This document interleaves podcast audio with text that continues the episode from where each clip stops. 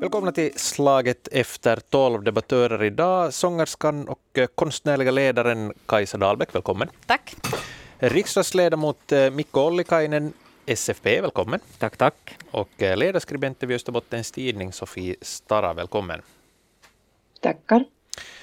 Ja, vi har levt i den här coronapandemin nu i snart två år och länge fanns det ett rätt brett stöd också för tuffa restriktioner, men nu höjs allt fler röster mot restriktionerna.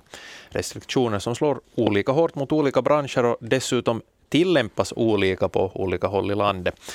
Kajsa Dahlbäck, eh, du har igår lämnat in ett besvär mot eh, de här senaste coronarestriktionerna som regionförvaltningsverket i västra och inre Finland har gett för eh, Österbottens del. Kan du berätta om det här? Ja, det stämmer. Um, jag lyssnade uh, intresserat på, på regeringens coronainfo i torsdags. Och då meddelar man där att man ska försöka frångå alla restriktioner för publikevenemang, särskilt då sådana som anses då ha låg risk, vilket betyder då sittplatser. Det vill säga de flesta konserter då, och teaterföreställningar och så här. Och det gjorde mig ganska hoppfull. Sen kom jag då var jag i Helsingfors, hade precis sjungit en streamad konsert för att det gick ju inte att uh, sjunga någonting för publik. Sen kom jag hem på fredag och sent på eftermiddagen märker jag att Regionförvaltningsverket har då uh, slagit fast att det är max 20 personer uh, i Vasa sjukvårdsdistrikt i en hel månads tid. Så man går liksom tvärt emot regeringens instruktioner dagen efter att de har getts och samma dag skickades också ut ett nytt brev från social och hälsovårdsministeriet om den här nya, nya strategin. Uh, och jag kan inte för mitt liv förstå hur man kan berätta att i Österbotten är det så livsfarligt med kultur så att nu ska ni vara, vara tysta ännu en hel månad. Um, då började jag lite, jag läste lite noggrannare där under helgen och på söndag uh, författade jag då ett sånt här besvär till, till förvaltningsdomstolen i Vasa där uh, jag då yrkar tillsammans med, med Thomas Enroth um, att det här beslutet ska hävas. Men det ska också åläggas verkställighetsförbud med omedelbar verkan. För att om vi skulle få det här nu stoppat direkt så har vi kanske chans att få sjunga några konserter ännu i slutet av månaden. Men att om vi än en gång blir utan jobb för en hel månad utan något som helst kompensationer, vilket vi ju inte har fått under den här senaste stängningen överhuvudtaget. Så den här katastrofen är så massiv för vår bransch redan nu. Så att jag befarar att det här med, med februari-stängningen är just det droppen som får bägaren att rinna över. Vad, vad har du fått för respons så här långt? Nå, ingenting från domstolen ännu.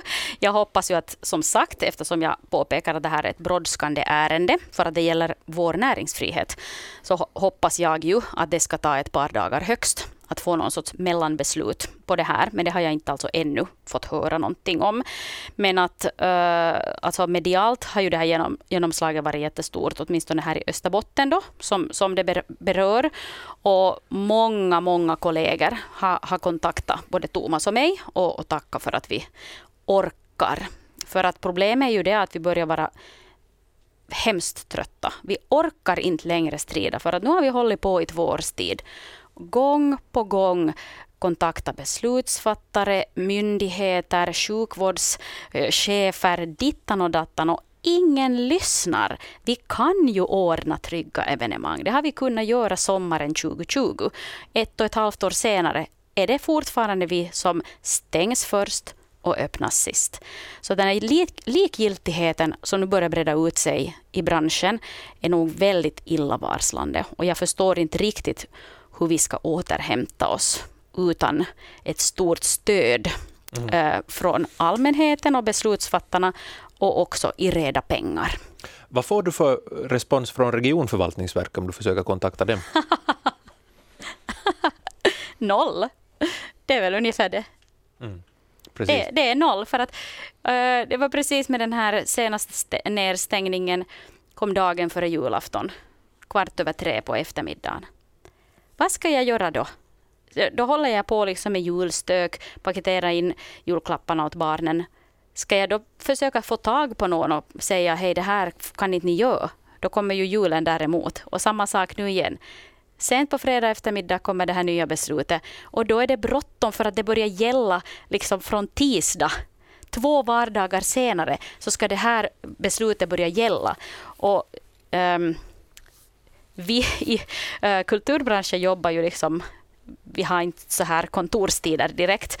Så då har vi, allting har ju redan hunnit avbokats ganska långt.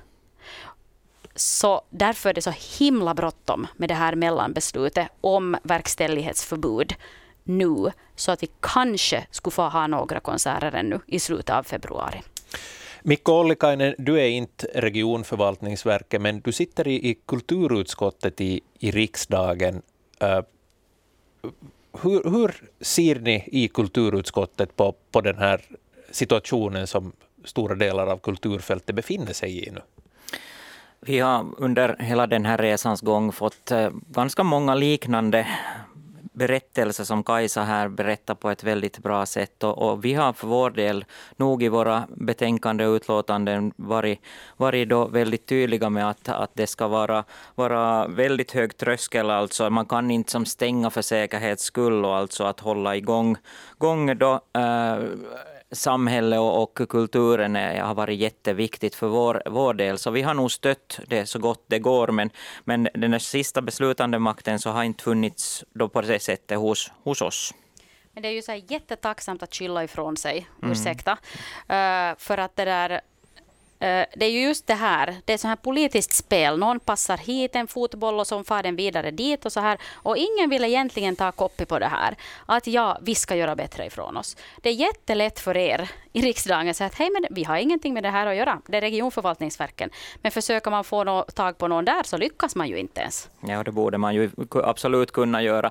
Eh, då gäller alltså sen så är vi förstås ett regeringsparti också. Där har vi varit väldigt, väldigt tydliga med att, att man ska bara ha, ha det så, alltså det ska vara en nödvändig åtgärd att ha, ha stängt. Och, och, vi vet mycket väl, av lyft fram bland annat eh, Anna-Maja Henriksson flera gånger kring just eh, teater, teatersidan, alltså att, att det har ju för vi, jag har inte åtminstone hört tidigare att, att det skulle ha kommit någon smitt här där via den, den sidan heller. Men bakgrunden till de här regionala förhållandena så är ju förstås då att, att det var ju tidigare så var det ju allting centralstyrt, men då eftersom smitt äh, det här läget har varit olika i olika delar av landet, så har man sett det att det här regionala beslutande så har varit någonting som, som har varit det bästa då för att kunna se vad, vad det där läget just nu är på olika ställen. Men sen är det förstås, och jag förstår det mycket väl, eh, om jag har förstått det rätt så är det 50 personers tillställningar tillåtna i Nyland och 20 i Österbotten just nu och,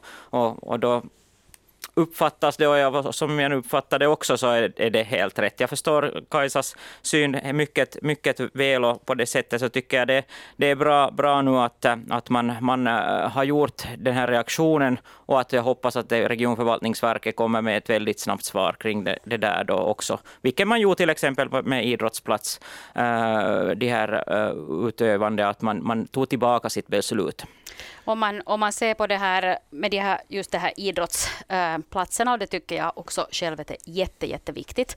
Folk behöver eh, till välmående hör förstås, förutom ett negativt coronatest, så hör det ju också fysisk hälsa, men också uh, mental och själslig hälsa.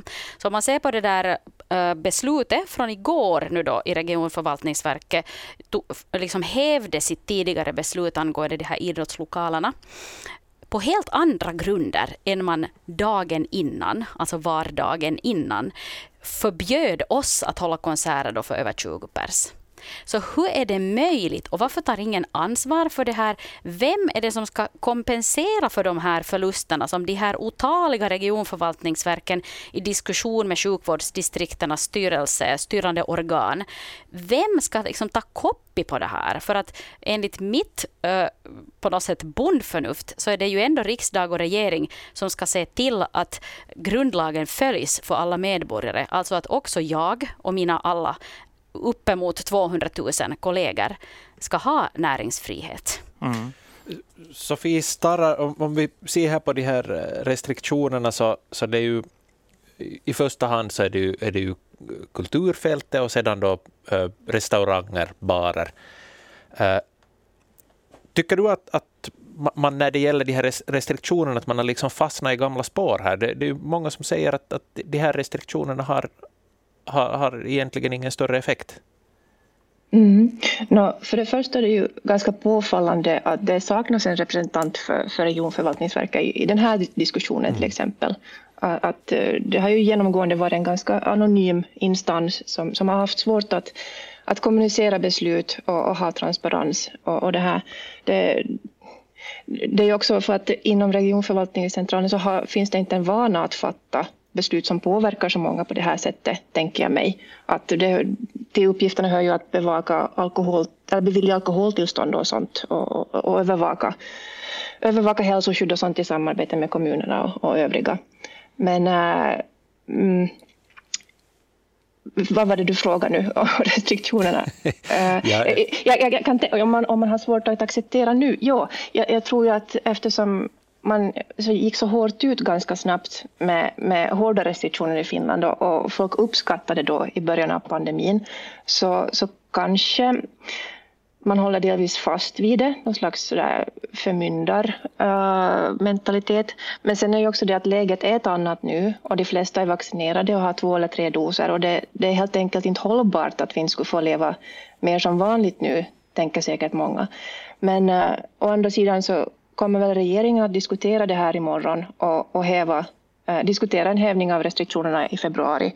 Och vi har ju sett att det, det kan gå ganska snabbt och det här kan säkert också påverka regionförvaltningsverken, tänker jag mig. Uh, som, som kanske då också den här ologiska 20 personers gränsen i, i Vasa hävs uh, ganska tidigt. Så jag tänker att det här besväret kommer ju, det är ju välkommet och jag håller ju helt med uh, och det här tycker jag det är bra. Jag, jag tänker också att det kommer för sent. Um, skulle man ha haft möjlighet att agera tidigare på det här sättet? Eh, uh, no, för vår del uh, så blev det så uppenbart eftersom det var väldigt orättvisa regler som kom nu på olika håll i landet just precis i fredags. Vi fick höra till exempel att, att norra Österbotten slopar alla restriktioner för publikevenemang. Uh, I egentliga Finland och Satakunda så, så får man fylla 50 procent av salen. Också i Kymmenedalen så, så har man liksom slopat de här restriktionerna. Och då blev det liksom direkt en, en fråga om ojämlikhet uh, för oss i Österbotten. Uh, tidigare vet jag många har lämnat in besvär, alltså flera, flera gånger, men de samlas på hög i domstolarna mm. och hos justitiekanslern. Men i synnerhet i förvaltningsdomstolarna, det finns hur många case som helst uh, där nu, som väntar då ett eller två år på att bli behandlade. Och det hjälper inte. Uh, så därför, mm. jag såg nu liksom min chans här att, att nu kan vi liksom åberopa ett, ett sånt här verkställighetsförbud med omedelbar verkan och att det skulle tas då liksom väldigt brådskande ordning uh, som, som ett sånt här mellanbeslut. Så det var därför egentligen jag vidtog den här åtgärden nu. Um, för att det som jag vet att mina kollegor, vi har en sån stor nationell diskussionsgrupp kring, kring de här frågorna. Så jag vet att de har lämnat in flera sådana här besvär tidigare, men att det har inte ännu kommit kommit något beslut någonstans ifrån. Och nu har vi ju suttit i den här båten i snart två år. Så det säger ju mm. sitt om domstolarnas liksom, tidtabeller. Och jag vet inte vad det beror på att det är så, men att därför ville vi nu liksom försöka då med en annan metod. Men, men alltså inte, inte bara domstolarna här, men om, om vi håller oss strikt på, på kulturfältet här. Ni har ju, kulturbranschen är ju kanske kultur, kulturen och eh, då restaurangerna, de som har, har fått eh, bära ett väldigt tungt lass i den här pandemin. Vad tycker du, respekterar man kulturfältet? No, um, vi har kanske själva också märkt att vi har inte en röst. Restaurangbranschen har en kille som alltid vrålar högt äh, när man vill åt äh, restaurangbranschen. Så då, det är liksom rätt lätt att, lättare att ta det till sig. Men kulturfältet är um, väldigt mångfacetterat. Vi har ju å ena sidan de här uh, stora institutionerna, teatrarna och orkestrarna som åtnjuter då det här eh, stadigvarande eh, statligt stöd. Och till dem har man då först eh, sett till att man får, får kompensation så att de kan betala ut sina månadslöner och liksom behålla sina teaterhus och, så, och sånt här. Men sen har vi en väldigt brokig grupp um, freelancers som jag då själv hör till. Uh, 50 procent undervisar jag och så på min andra, andra halva av min, min arbetstid så, så konserterar jag som freelance och då eh, också jobbar som konstnärlig ledare. Och, och det är här som man ser att vi har inte en talesperson som skulle ha kunnat liksom klart och tydligt föra fram det här budskapet. Men vi har ändå liksom lyckats nation, på ett nationellt plan eh, samla sådana arbetsgrupper som skulle just visa den på den mångfacetterade eh, liksom, Eh, identitet som hela branschen har. Eh, och de här har ju faktiskt varit med och utarbetat planer för trygga eh, evenemang på ministeriet till exempel Uh, undervisnings och kulturministeriet hade en sån här arbetsgrupp som, som då kom fram till ett, till ett restor, resultat. Och vi trodde ju liksom på något sätt naivt då i slutet av 2020 att nu får vi börja använda de här. Och ha våra evenemang så säkert som vi kan. För att när man då ser på hur mycket smitta har det egentligen startats på våra evenemang så är det ju ingenting. Det har kunnat vara eh, festivaler med tusentals människor, alltså de med sittplatser, om man ser till det. Det här nu då som THL säger att det är låg risk. Tusentals människor på en och samma festival, noll smittor. Så det är ju uppenbart att vi inte behandlas jämlikt. Man måste ju ta hänsyn till vilka åtgärder vi ju har tagit för att ordna de här trygga evenemangen. Men alltid när vi tar upp det här så är det någon som kommer ihåg Hopp! Det var en sån här kvinnodagskonsert för två år sedan. Då kom det en massa coronasmittor. Och då på något sätt går man alltid tillbaka till det när folk inte ens visste vad corona är för någonting. Och, och, på något sätt vad vi än gör så är det någon som säger nej, nej, nej, det var den där ena kvinnodagskonserten i musikhuset. Det var därifrån allt började. Och då är vi liksom på något sätt, vi, vi vaknar upp till samma mardröm helt enkelt nu varje dag. Vad, vad tror Mikko Ollikainen och Sofie Stara, är, är kulturbranschen just eh, på grund av det här som Kajsa Dahlbeck sa, att, att man inte har en gemensam stark röst, gör det, det till ett, ett, liksom ett, ett enkelt offer, om man nu får använda ett sådant starkt uttryck för de här restriktionerna? Jag håller fullständigt med kring den där sidan, alltså, men, men samtidigt så har det under, det här, under de här två åren kan man... No, Kulta ry fanns ju redan på kulturfältet, så fanns redan innan. Men till exempel tapahtumateollisuus och äh, evenemangsbranschen så har varit en väldigt viktig kraft också Kulta som en just sån här som har fört fram just det här samlade informationen. För den har varit väldigt spretig, precis som Kajsa säger här. Och ur det perspektivet så har, har man... Jag tror att det är många beslutsfattare som har börjat förstå och inse den här vidden av, av den här helheten då, tack vare det här. Och ja, vi, äh, jag stöter med jämna mellanrum på den här ena konserten också, men det är trots allt två år sedan och det har skötts på ett väldigt tryggt och bra sätt. Själv har jag också varit på, på kulturevenemang där det har skötts på ett jättesnyggt och bra, bra sätt. Så att eh, jag tror det är nog kanske just den här intresseorganisationssidan som, som har, har varit i grunden, men, men det, det, kan inte vara det mera, inte. Eller det är inte det mera, utom, utom det, det, det kan inte vara det. Och, och, och, och vi, vi, för vår del nu åtminstone så, så jobbar på att, att, att kultur, lågrisk så ska öppnas och egentligen börjar vi vara i det stadiet nog att det ska öppnas mera, hela samhället nu här. Och för någon vecka sedan var det diskussion om beredskapslagen, så det är väldigt tvära kast här. Sofie Starra. Uh, ja, jag, jag tror nog också att det det kanske är en brist på organisering som, som har gjort det extra svårt. Det har funnits olika personer som har, har uttalat sig i offentligheten och, och varit väldigt tydliga och högljudda, men kanske inte här liksom, ena människan man förknippar med att det här handlar det om. Om jag, jag vet inte. Om jag kompletterar där, så alltså det, det, har inte funnits tidigare siffror på hur många som jobbar på samma sätt. Att det är 200 000 som direkt, eller på heltid eller indirekt så jobbar med det här. Och värdet är 2,6 miljarder. 2,6 miljarder. Och de, de siffrorna har inte funnits till påseende tidigare, så det här tror jag har, har för sin del hjälpt till ganska mycket. Förståelsen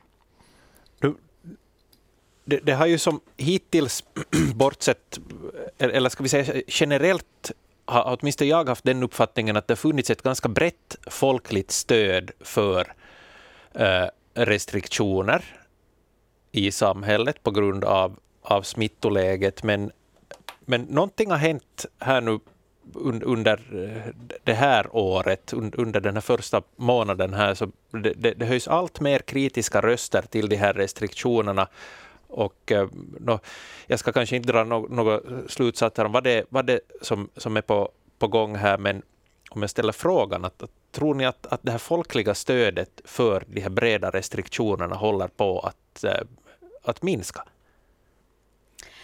No, det, så, det som eh, jag upplever att eh, när vi får samlas eh, på ett kulturevenemang nu då, som till exempel, så känner vi en jättestark samhörighet med varann. Och eftersom vi inte har fått nu göra det och man har sagt att nu ska ni vaccinera er och nu ska ni följa reglerna, så då kommer ni att premieras med uh, borttagna restriktioner. Och när det ändå inte händer fast folk har både två och tre vaccinationsdoser och man liksom inte kommer åt den där samhörigheten, för vi får liksom inte ses så här, uh, så då börjar det krackelera och vi vet inte riktigt egentligen varför vi ska liksom känna oss att vi är, vi är liksom ett folk när, när det blir så splittrat. Och jag, jag har åtminstone märkt att många som brukar komma på, på barockkonserter och sånt, så de har uttryckt en jättestor besvikelse för att nu har vi gjort exakt vad vi skulle göra med vaccinerna och allt det här. Uh, och ändå får inte vi fara någonstans. Och då börjar man liksom, sen har vi sett, fått se den här politiska teatern också. Någon ska ha uh, lång covid, ska, då ska vi ha distansskola och någon annan tycker att nej, nu ska vi börja leva. Så man vet inte liksom att, vet ens regeringen vad den sysslar med för tillfälle? Sofie Starr. Mm, det, det som har hänt här eh, i början av året är ju att till exempel WHO och olika experter har har liksom varit hoppfulla och sagt att vi närmar oss slutet på pandemin och, och kan gå in i ett endemiskt skede, kanske småningom tack vare omikronvarianten. Att det har funnits en hoppfullhet eh, i luften helt enkelt, att, att snart slipper vi det här eländet. Och det har också säkert lett till en, en stigande frustration och, och det här ja, ökad, ökad trötthet helt enkelt. Alltså vi är coronautmattade och vill att det ska liksom vara över i övermorgon liksom senast. Um, men vi, vi, är ju inte riktigt där ännu och det, det, måste man ju också komma ihåg att fortfarande finns det människor som kan bli svårt sjuka av viruset som, som lever med en hög risk varje dag för sig själva eller anhöriga. Och samtidigt som vi har en hög vaccinationsgrad och, och det här som sagt det kan gå ganska snabbt tror jag nog eh, att, att öppna upp samhället nu. Ehm, men, men varför det är så svårt att häva restriktionerna i Finland hittills, så det, det är ju en annan fråga. Uh, sen tror jag också det, det kommer inte, det finns ju inget facit i början av en stor kris. Och det kommer vara mycket efterklokhet uh, som vi redan har börjat se i form av, av kritik uh, från förvaltningsexperter som, som ser brister i beslutsunderlag som, som det här politiker har fattat beslut utgående från och så vidare. Så det kommer vara mycket byktvätt. Mikko Ollikainen. Ja, byggt kommer det garanterat att, att på ett, på ett plan, visst plan att vara, för att, för att det är klart att vi har lärt oss på vägens gång en hel, hel del också med coronapassen till exempel. Nu är linjen nu just det som till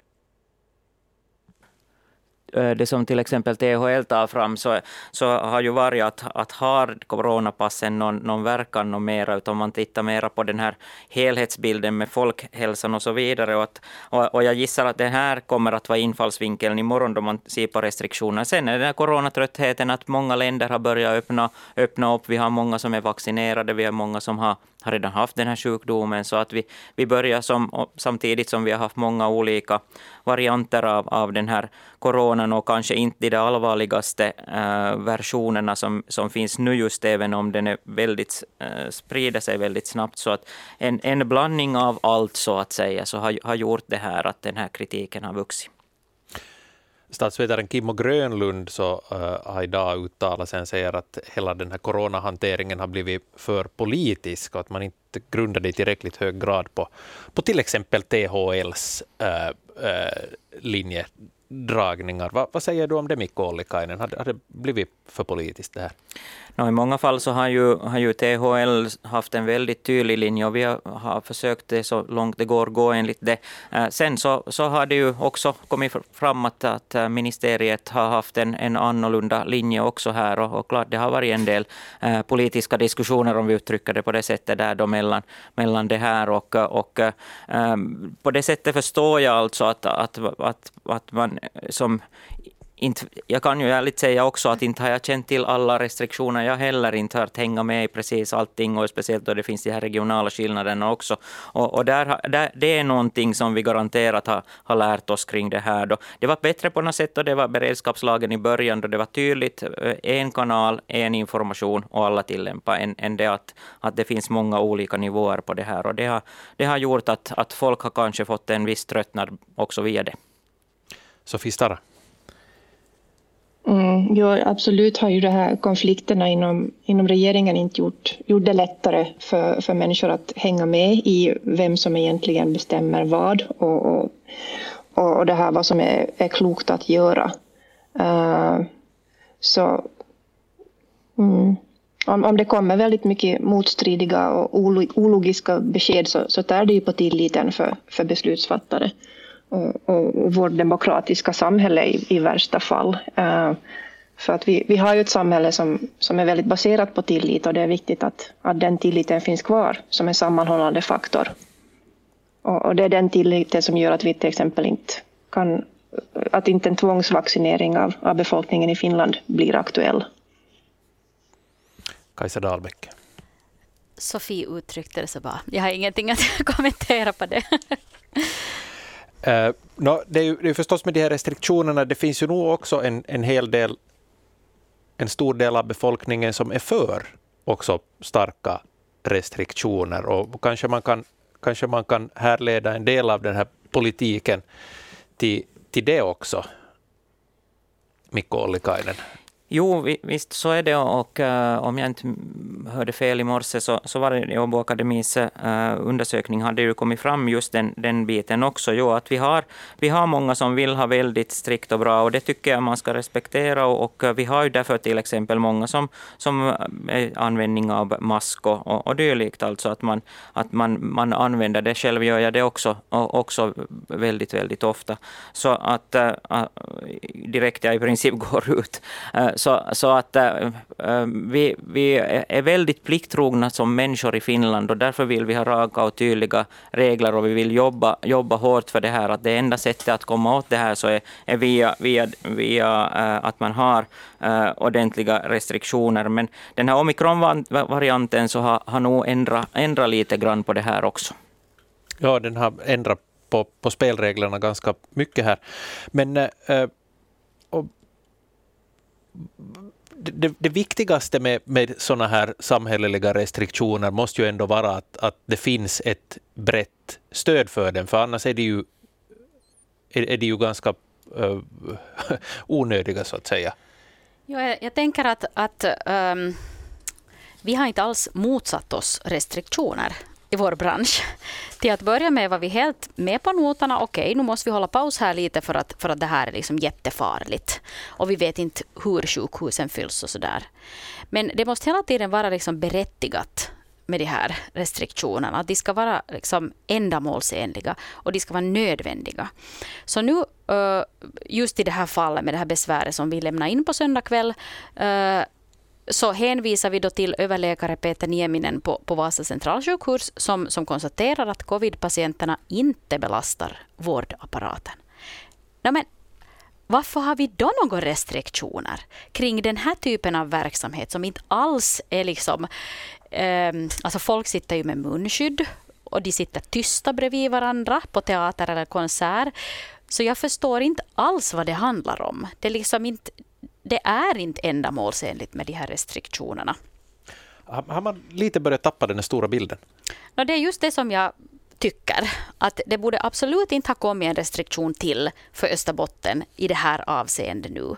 Att om en gång du får sitta på restaurang och äta mat ända till nio på kvällen och restaurangen kan fylla 75 procent av platserna.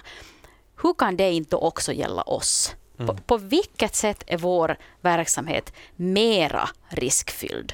Och här i samband med det här, vi, vi, är så trötta på att tjafsa om de här restriktionerna och förklara, förklara, förklara varför, varför vi måste liksom bli av med dem nu. För att det är frivilligt att gå på kulturupplevelser. Det, det, du får gå om du vill, om du så att säga vågar. Om du hör till fem olika riskgrupper och är 90 år gammal så kanske du inte går för du tänker att det är inte riktigt säkert för mig.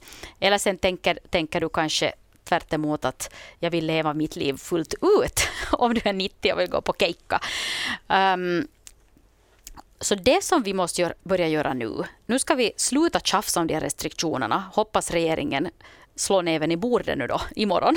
Och nu måste vi börja se på hur kultur branschen ska börja byggas upp istället. Återuppbyggnaden kommer att kräva jättemycket jobb.